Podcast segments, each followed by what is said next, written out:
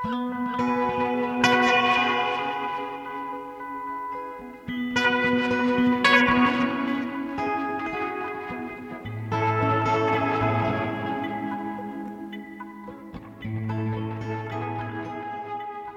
og sæl, kæru hlustendur. Halla Harðardóttir og Melgurka Ólafsdóttir heils ykkur úr hljóðstofu Víðsjár þennan fallega eftirmiddag 14. september. Í þætti dagsins sveipmynd af dansara og fyrirlestur Sigurðar Nordal. Líkt og verið hefur síðustu miðvíkudaga fær sveipmynd af listamanni gott plás í síðarluta þáttar. Gestur okkar í dag er Ingi Björg Björsdóttir, dansari sem valdi með sér nokkur lög og segir okkur örlítið af viðburðaríkum ferli sínum.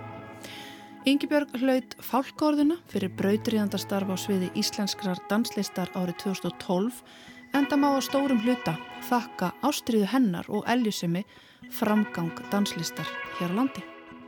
En við byrjum á því að halda niður í Háskóla Íslands. Í dag á fæðingadegi Dr. Sigurðar Nordal gengst stopnun Árna Magnússonar fyrir svo kullum Sigurðar Nordals fyrirlesti. Fyrirlesari að þessu sinni er Finnur Úlf Delsen, profesor í heimsbyggi við Háskóli Íslands og gistiprofesor við Högskólinn í Innlandet í Noregi. Rannsóknir Finns hafa mestuleiti snúist um hvernig við öðlumst skilning og þekkingu á heiminum, sérstaklega í vísindum og með hjálp þeirra. Árið 2019 hlaut finnur bæði kvartningarverlaun vísinda á tækniráðs og Nils Klim-verlaunin sem veitt eru ungum norrænum fræðumanni fyrir framúskarandi rannsóknir á sviði hugvísinda, félagsvísinda, lögfræði og guðfræði. Fyrirlastur finns í dag kallast Fyrir hverja eru fræðin.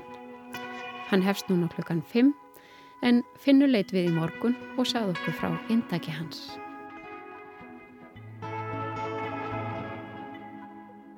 Kondu sæl og blessaðar finnur. Já, kondu sæl. Velkomin í Vísjá. Takk. Þú ætlar að veltaði fyrir þér, eða ekki veltaði fyrir þér, heldur færa rauk fyrir því með heimsbyggilegum nálgunum fyrir hverja fræðin eru. Kanski fyrst bara, af hverju er þetta mikilvæg spurning? Fyrir hverja eru fræðin? Já, ég held að þetta sé mikilvægt svona bæði fyrir okkur sem erum fræðamegin, fræðafólki sjálft að reyna átt okkur á því hvernig við eigum að stunda svona fræðastörf þannig að, uh, já, þannig að það, þau uppfyllir markmið sín um, og svo held ég þetta sé líka mikilvægt bara fyrir almenning sko, almenning á að geta gert kröfu á að fræðin þjóni þeim á endanum mm -hmm. uh, Þú hérna segir frá því yngangi sem ég hef lesið að hérna þessi spurning sétt aldrei í anda Sigurðar Nordal, hvernig þá? Já, hann, hann var sjálfur mjög mikið að halda alls konar fyrirlestra og skrifa fyrir almenning. Um, hann held til dæmis þegar hann kom heim og námi þá held hann mjög fjölsóta fyrirlestra sem héttu Einlindi og Marklindi. Og þetta var svona einhver, einhver verulegur prósenta allra reykvíkinga sem mættu þarna til að líða þessa fyrirlestra sem voru alveg margar vikur, uh, sem sagt vikulegar fyrirlestra.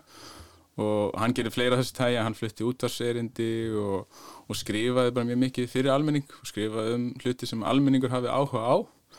Þannig að ég held að hann hafi svona uh, starfað svona í anda þess sem að ég ætla að tala um. Mm -hmm. Sko, mann finnst það einmitt kannski svolítið augljóst að fræðin eigi að vera fyrir alla en, en það kannski þarf að færa raukferði til að vita hvernig umhverfið eiga á að vera, við vitum að þetta er flóki umhverfi, hvernig rannsóknur eru byrtar og svo framvegis, við kannski förum aðeins út í það eftir. En hvaða ávegsti fræðan ert að tala um? Þú ert að tala um þekkingu sem skapast í rannsóknustörfum, ekki satt? Þekkingu fyrst og fremst. Jú, jú, akkurat sko. Þegar ég segja fræðin séu fyrir alla þá ég við að, þessi ávegstir sem að verða af fræðunum, þar sem að fræðin geta af sér, sem er eitthvað sem, þau gæðir sem fræðin geta af sér, að þau, þau er verið fyrir alla. Og, og fyrst og fremst er ég að hugsa um í þessum fyrirlistri um svona það sem ég kalla vitsmunalegi gæði sem er svona eins og hlutir eins og þekking og skilningur og, og að hafa réttar, að hafa rétt fyrir sér. Um, mm -hmm. frekar en kannski þessi efnislegu gæði sem, sem fræðin geta líka af sér. Um, en, uh, en vegna ég hef meira áhuga á þessum vitsmunalegu gæðum en það er bara minna fjallað um þau. Við, við tölum við mikið um all efnislegu gæðin sem bara vísindin geta af sér og bara sem við skiptum á millokkar í samfélaginu. Bara mm. bara, bara pólitísk umræða snýsta mjög miklu leiti um það. Mm -hmm. en svo er eiginlega engin umræða um svona vitsmjönuleg gæði mm -hmm. um, það að einhver hafi þekkingu eða hafi rétt á að öðlast þekkingu og slíkt, það er mjög lítið talað um það. Kannski dálitið innan fræðana en samt ekkert sérstaklega mikið satt að segja. Já. Ég tók sérstaklega eftir einu orði sem hún notar og sem ég hef aldrei hýrt áður, ég held að sé vegna að þú kannski hafið fundið upp á því. Þekkingaleg jafnaðastefna, getur útskýrt þetta fyrir mér? Já, ég myndi ég fann upp á þessu orði en hérna, við leifum okkur það stundum við hinsbyggingar og hendar Sigurður Nordal var líka mjög döglegur við það að búa til ný orð.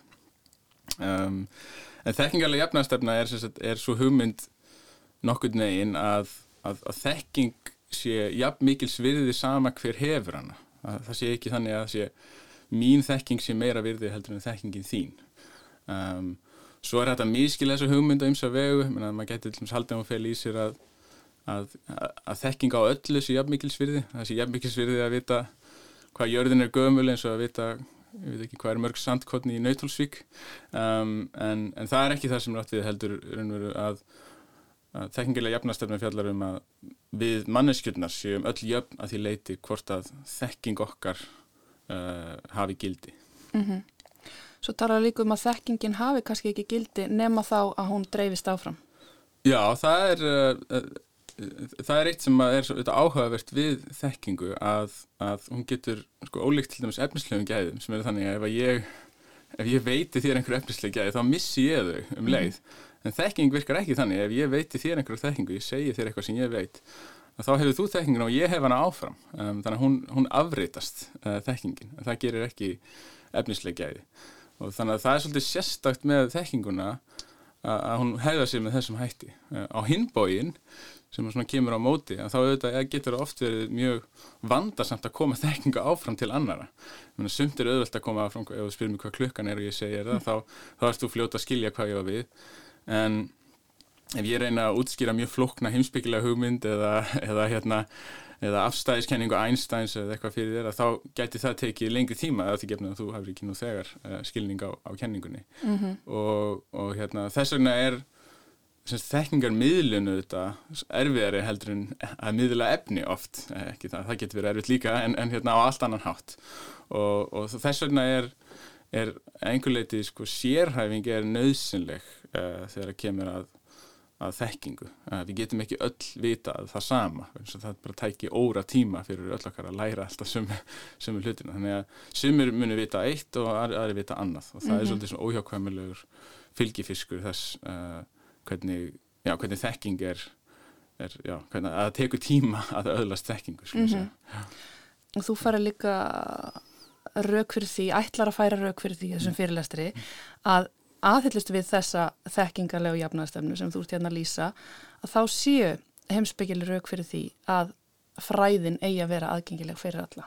Já, já, einmitt sko. Uh, af því að, uh, að ef að ef að það er markmið fræðan að skapa þekkingu um, að þá getum við spurt okkur hjá hverjum á þessi þekking að skapast.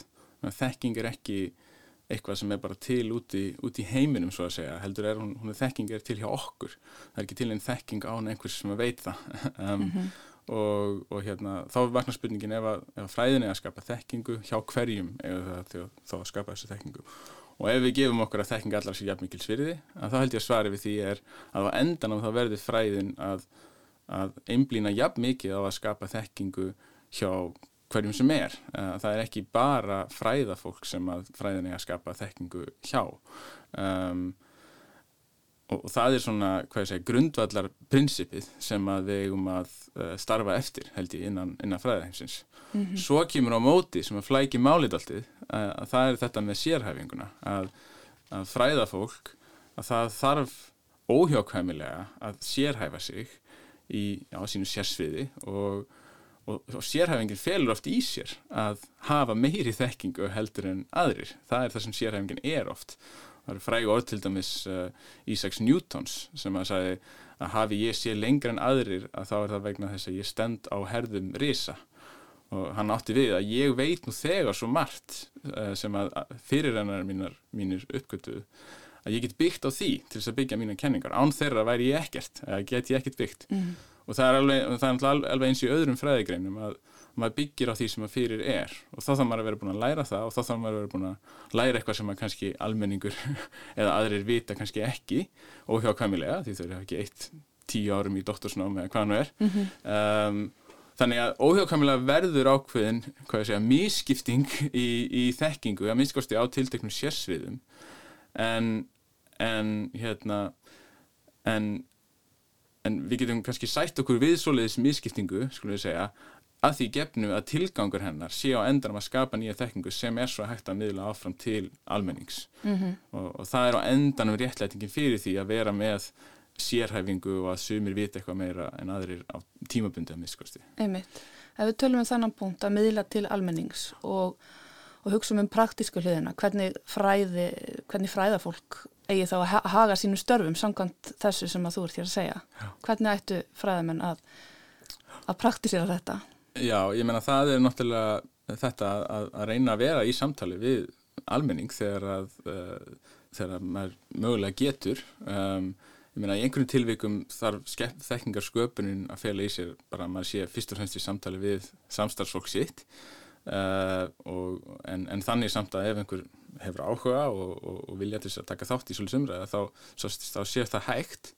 Um, Um, mestuleiti held ég að fræðafólk sé að, að, að ástunda sín fræði í samræmi við það sem ég er að segja. En það eru svona sum aðtrið það sem að ég held að það sé alveg hægt að gera betur og við getum alveg, uh, við, við fræðafólk getum, getum gert betur. Að, að eitt er að bara reyna að hérna, þegar maður kemur svona í útvarsviðtal til dæmis eða, eða, hérna, eða skrifar bladagrein að reyna að skrifa svoleiðis uh, og gera svoleiðis og gera það aðgengilegu máli og gera það þannig að að fólk skilji það sem hefur ekki stundan nám á því sviði sem við erum að ræða. Ekki vegna þess að fólki sem við erum að sé eitthvað vittlausara eða eitthvað hafa einhvern minni getur til að skilja eitthvað eldur bara að það hefur ekki tíu ára reynsla því að hugsa um sama hlutin og, og, hérna, og tíu ára reynsla því að tilenga sér eitthvað tiltekki tungumál til dæmis mm -hmm. sem er mjög algengt enn að fræðina. Þannig að við verðum bara held ég að gera miklu betur í því að sitja setja hlutina fram á bara svona skiljanlegu og eðlulegu máli og, og ég held að sé ekki títi fyrirstöðu, ég, meni, ég er þeirra skoðunar að, að ef maður raunverulega skilur hvað maður er að fjallum að þá getur maður að setja fram á máli sem er skiljanlegt þannig að það er eitt og hitt er það að, hérna, að ég held að við verum að hugsa alltaf vel um það hvernig við veljum okkur viðfangsefni í, í rannsóknum við, við fræðarfólk ég held að sé alltaf okkur hægt á því að maður Svona, veljið svona viðfangsefni í rannsóknar sína í svolítið hugsunanleysi þar sem maður, hugsa, þar sem maður velur kannski bara að fjallum það sem að kollega manns er að, er að fjallum eða það sem er verið að fjallum í helstu tímarítunum eða helstu, helstu bókaforlugunum sem maður hefur áhuga á að byrta mm -hmm. uh, og ég held að það sé svolítið hættileg stefna eins og þá geta árið til bara svona umræður sem að snúast alltaf um sjálfa sig mm -hmm. Eða uh, þar sem er átt að sækja styrki til dæmis Já, eða, já það er líka mjög góður hérna Uh, já, það er líka einmitt svipið tægi og, mm. og hérna og ég held að við þurfum svolítið að, að reyna að hugsa betur um það hvern, hvernig við veljum okkur viðfangsefni og hugsa er þetta eitthvað sem að mun á endanum að minnstakosti leiða til einhver sem er, er eitthvað gagn að fyrir almenninga annarkvært þá bara skapa nýja þekkingu. Já, já, einmitt skapa nýja þekkingu. Eitthvað sem að, mm -hmm. og eitthvað þekking sem að almenningur hefði áhuga að hafa eða, eða hefur einhver ástæði til þess að vilja hafa mm -hmm. mm -hmm. sumt er kannski sumt þekking er kannski einhver litið gagslaus það hefur engin áhuga nema kannski þeir fáur sem að sköpuðu þá þekkingu. Uh, og svoleiðis þekking held ég, ég held að við ættum að reyna að skipilega fræðastöður þannig að við séum ekki sífælt að skapa svoleiðis þekkingu. Einmitt Nú er oft talað um að það sé svo mikil gjá á milli sérfræðinga og almennings að uh, fræðimenni til að sitja í magindum í fílabennsturninu sínum og ántengingar kannski við eh, lífið í landinu. Uh, kannski er eitthvað til í þessu. Uh, hvað, hvað getur við gert til að eða þessari gjá og svona út frá þessu, þessum pælingum? Já, ég menna að það er, það er nú þegar sagt, svona uh, já, verið, verið að hvetja fólk til þess að byrta til dæmis allar rannsóknir í opnum aðgangi En það er ekki allt í opnum aðgangi? Nei, það er, svona, það er mis, mis opnum aðgangi, skulum við segja mm -hmm. um, Endanlega rannsóknar nýðustöður eru oft uh, læstar en, uh, en oft er það þannig að maður getur nálgast segja, drög að þeim rannsóknum sem um er að ræða uh, og kepis. Auðvitað er þetta nálgast allar rannsóknir ef maður er tilbúin að borga fyrir það en, en hérna, þetta getur að vera svolítið miklar upphæðir, allan fyrir vennlegt fólk. Það um, verður þá ekki þekkingarlegu jafnaðastefna? Nei, það er eitthvað svona ójafnaðastefna, myndi ég segja. Um, og, og þannig að það, þetta er eitthvað sem þarf að gera betur í, en ég veit að það er verið að það er stefna stjórnvalda og stefna Háskóla Íslands að, að byrta uh, í opnum aðgangi eins og hægt er og það eru lönd sem að hafa til dæmis samið við helstu bókaforlög og tímaritt, uh, tímarittsforlög um að allt verði uh, sjálfkrafa í alveg opnum aðgangi, mm. til mhm. dæmis eins og Noregur uh, og, og hérna að því að ég best veit að þá er verið að vinna að því að gera því sama hérna, hér á Íslandi en, en hérna en já, ég get bara kannski lísti yfir að ég er bara mjög fylgjandi því að það sé gert og, og, og hérna og svona til að það, að það sé ekki setna vætna mm -hmm. Finnur Delsen, við komst ekki lengra í byli Takk fyrir að vera með okkur í vísja og gangið vel með fyrirlæsturinn setnipartin í dag. Já, takk hérlega. Halla ræti hér við Finn Delsen. Áhuga samir hlustendur eiga þess kostað bruna í Háttíðasal Háskóla Íslands því fyrirlæstur Sigurðar Nordal hefst núna klukkan 5. En þá er komið að föstum liði á miðugutugum hér í vísjá og það er sveipmyndin. Ingi Björg Björstóttir hóf ungað árum störf sem dansari við Þjóðleikus Íslands þar sem hún steg spór í fjölmörgum leikritum, ópurum og söngleikum. Hún stóð á samt fleirum að stopnun Íslenska dansflokksins árið 1973 og dansaði með flokknum þó að hún væri ekki formlegur meðlumur. Ingi Björg hefur einnig samið fjölda dansa og dansverka meðal annars fyrir Íslenska dansflokkin, leikús og óperusýningar. Ingebjörg kendi við ballettskóla Sigriðar Ármann og varð fyrsti skólastjóri Listanskóla þjóðleikúsins sem í dag heiti Listanskóli Íslands. Því starfi gengt hún í tvo áratögi. Ingebjörg hefur verið virk í félagsmálum listansara og hún laud fálkaorðuna fyrir brautriðjanda starf á sviði íslenskra danslistar árið 2012. Ingebjörg er enna dansa því hún er meðal dansara í vellaunasýningunni Ball. Ingebjörg kom nýj hljóðstofu við sjár og við byrjum á því að heyra fyrsta lægið sem hún valdi, Rímnadans úr óperunni Ragnæði eftir Gunnar Þólasson og Fridrik Erlingsson.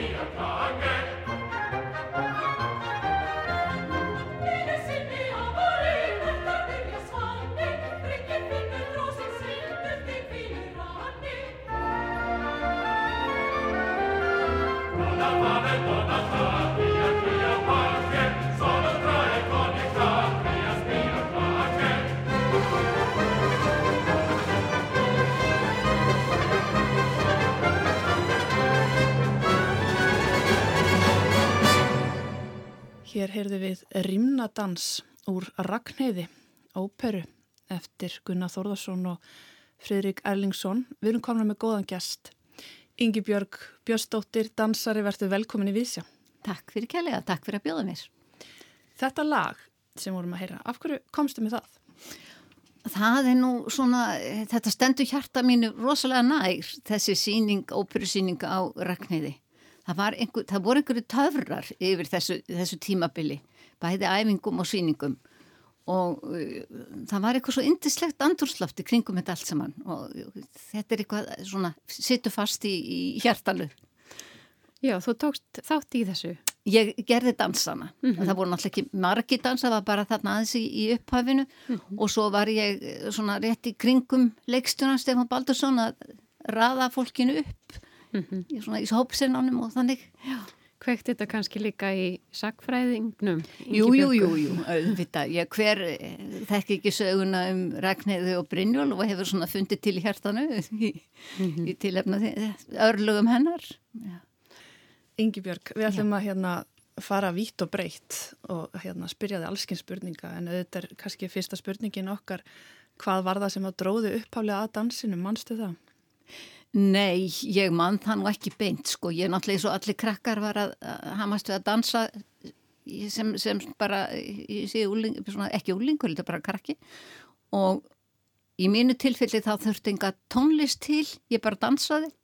Og ekki, ég tala nú ekki um ef tónlist kom líka, það var nú betra líka. Mm -hmm. en uh, og ég mann sérstaklega þegar ég hef e, einmitt verið að rifja það upp að ég fór og sjá nýjásnótina sko, fyrsta verkefni þjóðlikúsin sem var að opna þjóðlikúsin var að opna með síning á nýjásnótinni og þar var heilmikið að dönsum en ég man ekkit sérstaklega eftir dönsónu ég man bara eftir, það var eiginlega svona töfra leikúsins mm. sem að mm. heitlu mig alveg upp úr skónum Já. og ég heila þeir töfrar hafa aldrei fölnað Nei, við grófum upp eitthvað vitalega sem kom fram að þú hefur 11 ára gömul farið sjálf í stræt og í intökupróf einmitt. Og let svo mamma og pappa vita tíngum heim. Er þið, er ykkur ekki sama þó ég fyrir listanskóla þjólukursir næsta vettur mm. og það var, jújú, jú, ég fekk samþyggi fyrir það. Já, Þú hefur verið mjög sjálfstæð stúlka 11 ára. Já, já, ég held að ég hef alltaf tíð verið nokkuð sjálfstæð. Já, og þú hefur komist þarna inn? Ég komst þarna inn og var þarna alveg, sko þetta var annað ár listanskólans, 1953 eh, sem ég byrjaði. Og ég var þarna allan tíman meðan býðstöðar í átta ár, hann var í átta ár, ég verið sjú ár með býðstöð mm. og um, eftir að hann fór þá ríkti svona úlega mikil svona, það var eitthvað svona löst í böndunum. En það var nokkið það sem að tók mig eh, burt úr listanskólanum, það var, ég vekti svolítið þarna síðasta árið og var í burtu daldinn tíma frá balletinum og svona til þess að hressa mig við og líka til þess að hjálpa mig með ennsku kunnátuna þá ákveðu fóröldran mín er að ég mætti fara til útlanda til, og ég fór til Edinborgar. Mamma mín er eh, skoti eitthvað fram í ættir. Mm. það var skoti langt fram í ættir og, um, og ég ákvaða að fara í ennskunám til Edinborgar en ákvaða nú samt líka kanna hvernig verður það að hlita verið einhverjir balletskólar þar mm. og endinu var sá að ég held að ég fari svona 5-6 tíma í ennsku kjænslunni en var fullur nema, sko, alveg full time student sko, í balliskólanum byrjaði þar klukkan 10 á mótnana sko, eða hálf 10 á mótnana Hvað hva ertu gömul þarna? Þarna er ég að verða 17, er ég 17 ára mm. 17 ára þarna Og færðu einn sem sagt til Edinborgar? Já, já, ég fór með einn til Edinborgar og var þar í í, í þrjá vetur sko eða það var nú mikið meira vetur, það var frí í júlimánuði og eitthvað frá, eitthvað, tvær fyrst vikunar í ágúst, já. Já, hvernig, wow. hvernig var að vera 17 ára eini í Edinborg? Það var bara mjög fínt. Ég fjek, var svo heppin að ég eh, fekk að búa hjá fjölskyldu. Það var ekki með þrjár dætur. Einn þeirra var eh, flutta heimann og var kennari og var að kenna eh, ekki í Edinborg heldur í Glasgow og var þar að leiðandi ekki heima í herbygginu sínu þannig að þau hefðu laust herbyggi mm. og ég fekk að vera þar allan tíman og ég held ennþá sambandi við þessa fjölskyldu. Það. Og hvert lág svo leiðin eftir Edinborg? Eftir Edinborg þá bara ákvaði ég að koma heim.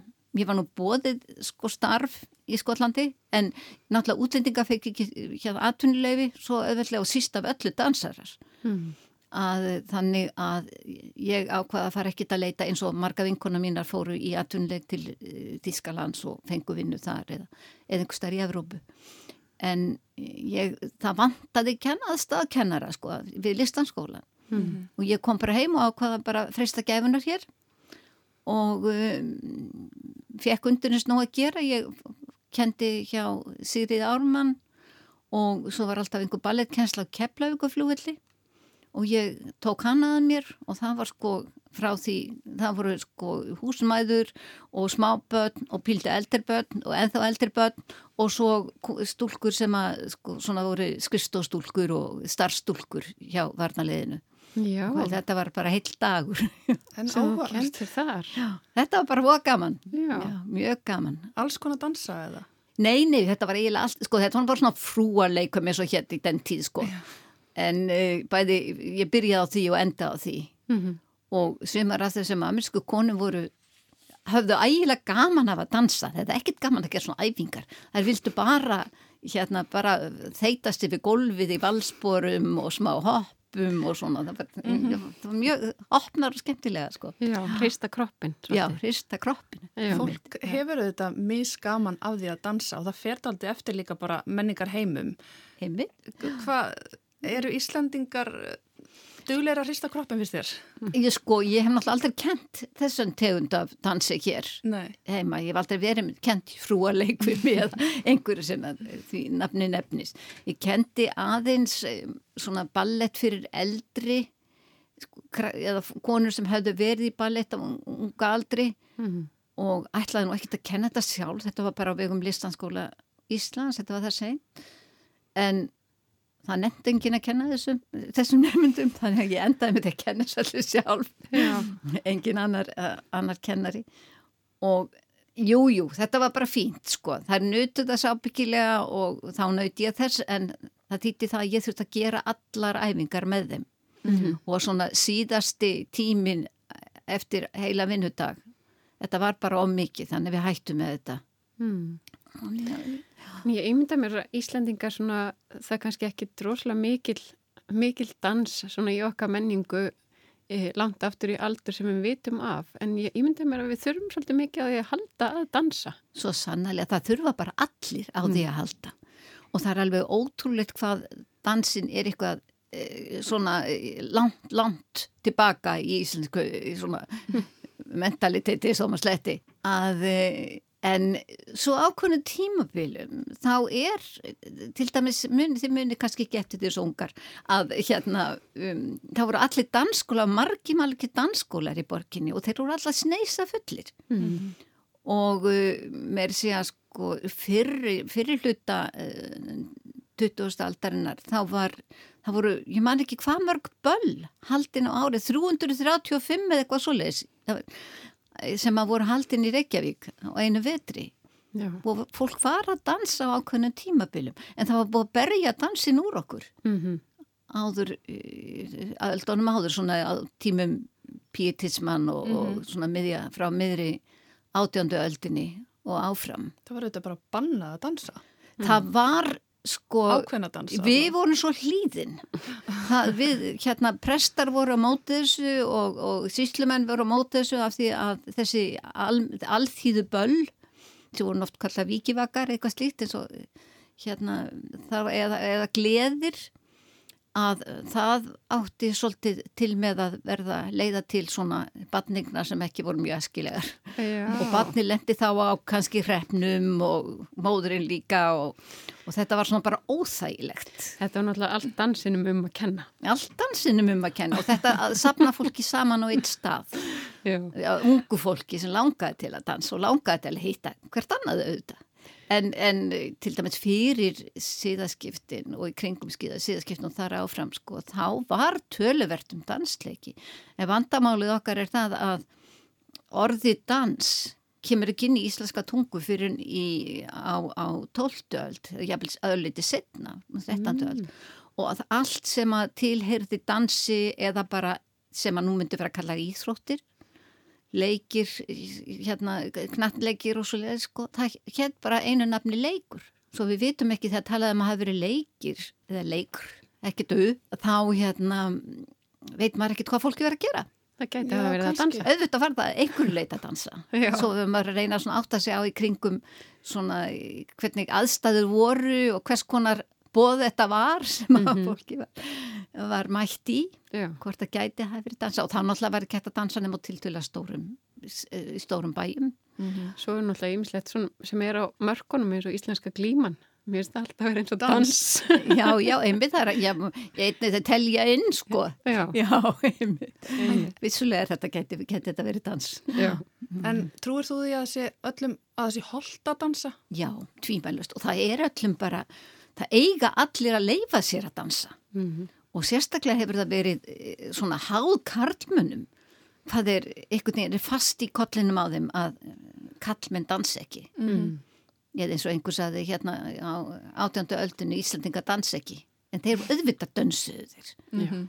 það er bara, það er eh, sagt sko einhver staðar að það þarf afskaplega frumstætt samfélag sem að berst svolítið sér bökkum að það rétt hefur að lifa af sko, að fæ, með, með nóga fæðu til að lifa af.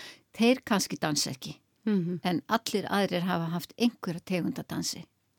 Þó þeir hafi ekki, eigi kannski ekki hljóðfæri eða neitt slíkt nema bara berja á stokk og steina og, og eigi líkama, mm -hmm. búið til eigin hljóð. Já, maður sér þetta líka bara í börnum, hvað þetta er eðlilegt. Þetta er svo eðlilegt mm. og, og það þarf ekki annað en það komi einhver svona mjög tónlist með mjög sterkul falli mm -hmm. í bara útvarpið einhver staðar að maður sér smá börn sem réttir að fara að standa sko, uppið eitthvað mm -hmm. byrja, byrja að rugga sér fram og mhm. tilbaka. -hmm. Þetta er bara í, í okkur, Já. mannlegu eðli og því að vera að berja þetta niður. Mm. Taland um dansin og að banna fólki að dansa. Fylgist þú með umræðanum daginn með finska fósættisraðuran sem fekk skam í hattin fyrir að dansa? Já, og mér finnst þetta alveg fáránlegt. Bara, ekki bara frá dansins hálfu heldur bara af hverju má ekki konar skemta sér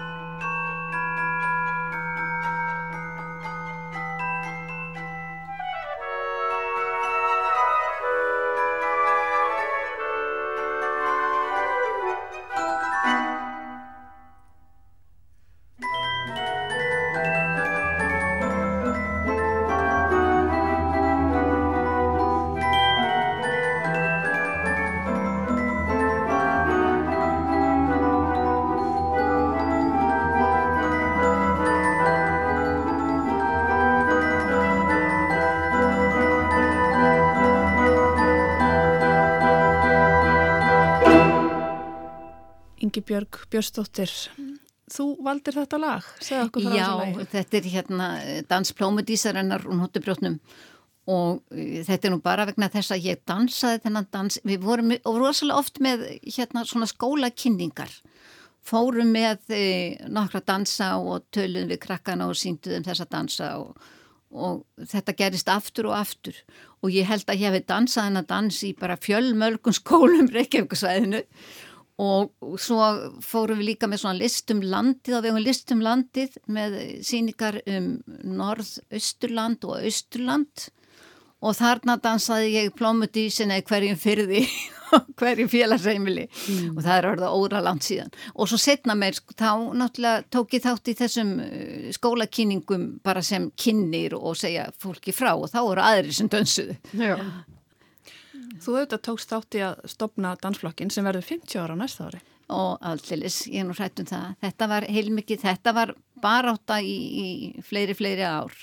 Því að eh, frá því að listanskóli þjóðleikusins var stopnaður sko, 1952 og Erik Bíðstöð var ráðin sem ballettmistari. Þá er ég næstu því vissum að hann hefur fengið hann hefur sko, komið til starfa með það á baku eirað að hann væri ballettmestri í þjóðlugúsin sem hann var. Og samtið þar að leðandi dansa og reyfingar í þau verkefni sem leikúsið þurfti að halda dansi og reka listanskólan og stefna því að úrýrði atvinnudansflokkur. Mm -hmm. en það varð aldrei á þessum tíma sem að býðstu var. Varð aldrei neitt úr þessu. og þannig fór líka að eh, eftir að hann gafst upp bara hreinlega það hann dantla og konunans Lísi Kirkor þau dansuðu í tífali á sumrin en voru að dansa hinga og hann var náttúrulega danshöfundur. Þannig að þau voru að dansa og hann var að semja fyrir hinn og þessi leikús í Danmörku og reynilega býðar á vetunar þannig að þetta hefði passað honum mjög vel að vera svo hér alla veturinn. Mm -hmm. og það gerði það í þessi ár sem þau voru en það varð aldrei að stopnum neins floks. Svo hérna var haldið áfram eftir hann fór og næstu kennar, næstu ballettmestrar komu og það var alltaf lág í loftinu svona þjóðlökustjórun blæsað hérna Rósinkrans hann var nú, eh, sko, hugsaði rosalega vel um dans fyrir íslenska áhöröndur. Það komu eh, hérna, erlendi dansflokkar alveg mjög, mjög margir á þessu fyrstu árum þjóðlukursins sem gestir og dansu, þetta voru flottir flokkar, mm. glæsilega síningar.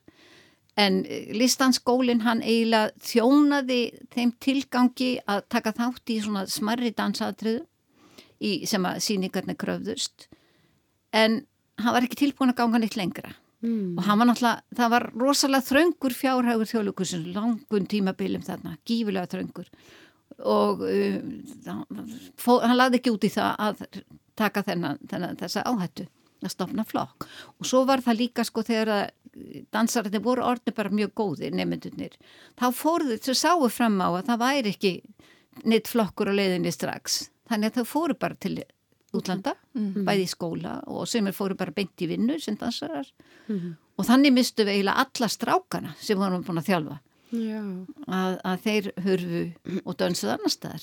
Mm -hmm. allan sín tím, svona dansara feril og engin, eða næstum fáur komið heima aftur. Og þarna er orðið augljóst að það þarf að stopna flokk. Það var alveg orðið sko gríðarlega mikið mhm mikið hérna, svo þegar að gríðalega áræðandi og ég hef búin að missa fullt af rosalega góðum dansun sem að vísu hefur komið sér vel fyrir okkur því að þeir hafa haft hjálpað okkur mjög mikið mm -hmm.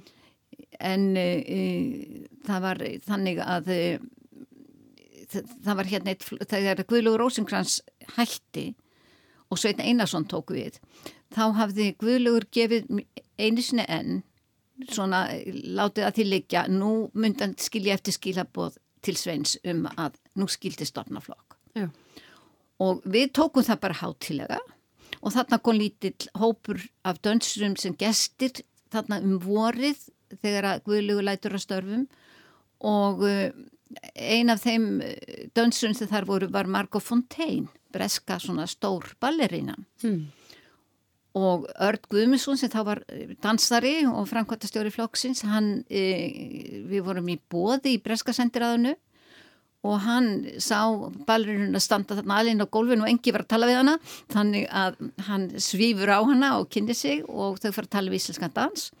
Og hann kallar á mig og við hérna, Margon Fontaine spyr er eitthvað sem ég get gert til að hjálpa? Já og við sem já, áraðlega ef að það, þú veist um eitthvað, eitthvað sem að væri viljur að koma hingað sem þarf að vera svona, já, kröftumanniska mm -hmm. og koma á stað þessum flokki sem að vonandi á nú að fara eh, svona raungerast þá værum við búin að þakklátt mm. og hún stóði orðsinn Já. Hún skrifaði bara setna og saði það er einn gammal nefandi minn eða við vorum saman í ballett og hann var, hann var mótansari minn á tímabili sem hafði samband við mig og er á milli starfa.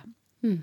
Og þetta var Alan Carter og, og ja, þetta er svona laungsaga en mm. það fór þannig að hann kom Já. og hann var stopnandi í Íslenska dansfloksis og það, það var heilmikil baráta og sveit stóð sig eins og hetja í þessu sko sem svona eh, leið, sem leitti þessa baráta og líka hann, Hannes Káur Davidsson sem þá var um, þá var hérna fórseti bandalsíska listamanna að en það var, það var komin eitthvað svona jákvæð stemning, bæði í mentamálaráðendinu þar var svona jákvæð stemning mm. og flokkurinn var eiginlega settur að stað hans að haft hefði verið neitt samband við fjármálaráðendið mm. sem að kannski hefði komið sér betur taland um jákvæða stemningu fyrir Já. dansinum ef við hérna förum aftur hérna inn í nútíman já. dansin hefur oft verið hotdrega þú hefur nú verið virki í félagstörum alla þína tíð já, hvernig finnst þér stemningin vera í dag? Það er auðvitað mikil gróska, það er ekki hægt að segja annað Ég held að það sé gríðalega mikil hefur verið, ég veit ekki, COVID hefur eitthvað farið illa með þetta, mm -hmm. en það er kannski að skriða tilbaka aftur að það er, það er mjög mikið að gerast mm. það er gríðalega mikill fjöldi sem er umvel á einhvern nátt að vinna við dansin annarkot mm -hmm. sem kennarar eða stjórnundur skóla eða að, að búa til litla hópa mm -hmm. og dansa hér og þar og allstaðar Töluvert eh, kannski fleiri tækifæri fyrir unga dansar í dag heldur en þegar þú varst að stíða þín fyrstu spór Allt annað sko, þá var bara eitt, þá var tækifæri að einu stað, þjólukursinu og mhm. búið mm -hmm. Og kannski er, er fjölbreyttar í dansar, þú ert vann að kenna Mikið. líka alls konar Jú, jú, það er mikið fjölbreyttir dans núna og sérstaklega svona alla tegundur að nútíma dansi er, er í, hérna og það, hann er svona aðgengilegur. Mm -hmm. þetta er ekki svona það, er það mikið dans í því. Það þú þarf ekki að bara hamast við að verða liðugur og ná fættinum hátt upp í loftið og, og geta stað og táskum og svo leiðis en auðvitað er verið að kenna tandans líka klassiska balletin mm -hmm. En, en það er mikil gróska í einhverjum tegundum að nútíma dansum, svo þess ekki bara svona, þú veist, göttudans og allt mögulegt sko, í gangi, mm -hmm. sem er alveg indislegt. Hvernig tilfinning er það að eldast sem ballerina? Hvernig er að vera dansari og upplifa líkamann? Hörna svolítið, sem að bara taki, horfið horfið beinti augun, augu vandamálsins. Nei, hérna, jú, jú, auðvita, ég var náttúrulega sko í hálfun mjög lengi. Þó ég væri eiginlega hægt að dansa sjálf þá tók ég alltaf tíma með dansfloknum í mörg ár til að byrja með. Ég var alltaf í tímanu sem þeir byrjuðu daginn á að gera og var þar alveg gat hlaupið inn í. Mm. Og það gerist mjög oft og ég orðin, var orðin ægilega flinga því að hlaupin á sviðadansa dansi ég eiginlega ægilega kunnivalla okay. og hérna og gerði þetta bæði í síningu Vísleska dansflokksins. Þá var ég með svona fyrst til að byrja með. Ég var nú í allra fyrstu síningu dansflokksins þegar hann var eiginlega alveg sko nýstofnaður. Mm. var fyrsta síningin var haldin að Borg í Grímsnesi. Já. Já, og allir bændu voru uppteknir í söðburð og þannig, þannig að það var nokkið ólega fjölmenn, en, en ég var með þeirri síningu og svo fleiri síningum og ég segi, og svo bara hljóp ég skarðið af því að ég hafði fylst með og ég var náttúrulega eh, með listanskólan, ég verið skólastjóri þar, þetta var náttúrulega allt á einu, einni hendi sko, þegar var komið listanstjóri þá var eiginlega starfið ballettmistari þjóðlugursins lagt niður. Og það var listanstjóri í staðinn, dansflokksins og hann gerði dans þá dansa sem þjóðlíkustu þurfti á að halda. Og uh, var skólastjóri listanskólas líka. Og ég kendi þær alltaf en og sagt tók tíma með flokknum svona mm -hmm. til að halda mér í frekari þjálfin. Og þú ert ennþá að, þú ert að dansa í, í mjög hérna, flottri síningu sem heitir Ball. Já, já, það þurfti ekki sem er soldið en það eru og svo hef ég líka dansað í eh, fyrir, já, alltaf ekki um það fyrir 20 ár síðan þá var ég að dansa í síningu sem hún eh, Laura Stefansdóttir gerði og var syngt hérna í Yðnó og fóru með til bæði London og, og til Tískalands og það þátti mér ég var allt og allt og gömul í þetta. Nei, nei, nei, nei, nú er 20 ára síðan þá er ég ennþá en þetta er nú bara sko, þetta, ég var bara skemmt, ég er bara skemmt að mér. Þetta er alveg rosalega gaman.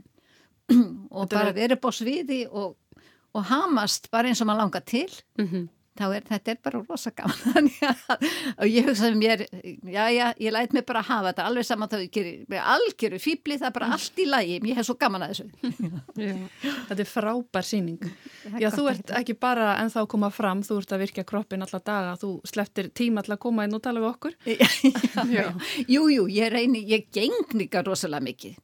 Ég fyrir gangutúr yfirleitt ef ég mögulega geta hverju mótni og svo aftur svona eftir með daginn. Mm og lappa svona í klukkutíma, þrjúkortir klukkutíma á mótnan og aðstýttar setjumpartin og svo er ég jóka og svo er ég qigong og, þetta tekur heil mikið tíma en þetta er samt búið gaman og þá líka er maður innan um annað fólk sem hefur svipið áhuga mál og, og mér finnst ægilega gaman að lappa bara með fram sjónum á mótnana aðlein mm -hmm. þannig að þetta er, þetta er alveg, ég segi, minn lífsins eliksýr Já, reyfingin Já, reyfingin, mm -hmm. já Við ætlum, áðurum fáum að heyra síðasta lægi sem þú komst með, þá ætlum við að fá að spyrja þið nokkura spurninga úr prúst spurningalistanum. Mm -hmm. Alveg, já, já, já, já. já. Þá er fyrsta spurningin. Hvaða hæfileika myndir þú helst vilja hafa sem þú ekki hefur? Hæfileika? Mm. Ég hef nú aldrei prófað að hafa til dæmis mjög mikla tónlistahæfileika. Ég, ég hef gott tónleira. En jú, ég hef meiri tónlistahæfileika, takk. En ég hef aldrei getað sungið. okay. Hverjar eru kvöndasetjurna þínar? Ó, það er svo mikið af fólki sem að ég hef uh, svona komið. Hetjurna mínar hafa flestar verið í gegnum dansin mm -hmm. og þá er þetta kannski ekki beint kvöndasetjur, heldur svona aðstóðakonur í, eða manneskur í, í, í svona atunuskinni mm -hmm. að en hérna Samstagskonur samst, Já, eða, eða svona fyrirmyndir Sigrir Ármann myndi ég nefna sko. Mm -hmm. já, sem að, sem að svona fyrirmyndin. Það er gott svar. Áttu þér eitthvað lífsmotto? Nei, alls ekki. Bara njóta hvers dags. Það er nú ágættis motto Já, já, já. Hann kemur ekki eftir Nei, það er rétt. Við ætlum að enda þetta skemmtilega spjall Ingi Björg, takk fyrir að vera með okkur á, Takk fyrir að bjóða mér. á lægi. Þú valdir þursaflokkin, segða okkur næst frá þessu vali. Já, það var þannig að einhver tíma, þetta nú sko, það var svona einhver auðu tímabili í þjóðlíkursinu að það vantaði verkefni fyrir dansýningu, fyrir flokkin. Þá voru þursatinn til dæla nýbyrjaðir að spila og það var haft einhvern veginn komast á samband með, hans Arnars uh, Guðmussonar sem var framkvæmstjóri og hans Egil Sólássonar að þeir fóru að tala um hvort það verður gett að nota þetta í dans.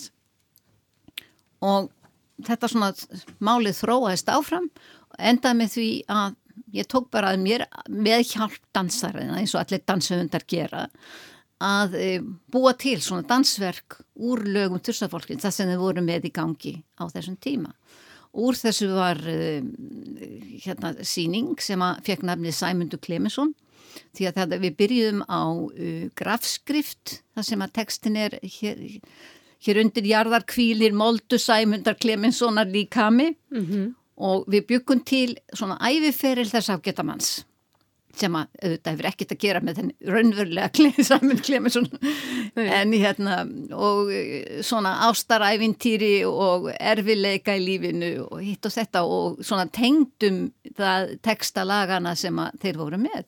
Já. Þetta var á listaháttíð til að byrja með og með ásamt tveim öðrum verkum sem að voru sko eins fjarlæg þessu hugsa sketur sko, það var Patukadr hérna, alveg svona há-há klassísku ballett, já. já meðal annars. Mm. Svo síndum við þetta aftur um haustið og þetta gekk og gekk og gekk sem var bara alveg ótrúlega flott. Mm. Það var líka, líka þá var vísu rockballett með, rock, með Elvis Presley vörum. Okay. Þetta var hinn, hinn þessar aftur. Svo fórum við til Norðurlandana því að tursættin voru að fara í tónleikaferð og við fórum með til, um, til Stokkólms og Gautaborgar og Oslo og þetta var bara rosa gaman. Þetta var alveg, svona, það var svo gaman að búa til þess að sögu og þetta endaði alltaf einhverjum alls þeirra hlátuskostum og, og þetta var bara ólega skemmtilegt tímabill. Við ætlum að enda þetta spjall á þessu lægi, stóðum tvö í túnni. Takk innilega fyrir að vera með okkur, Ingi Björg Björnsdóttir. Takk fyrir mig. Og við Melgorka þakkum líka bara fyrir daginn í dag. Við ætlum að enda þáttinn hér.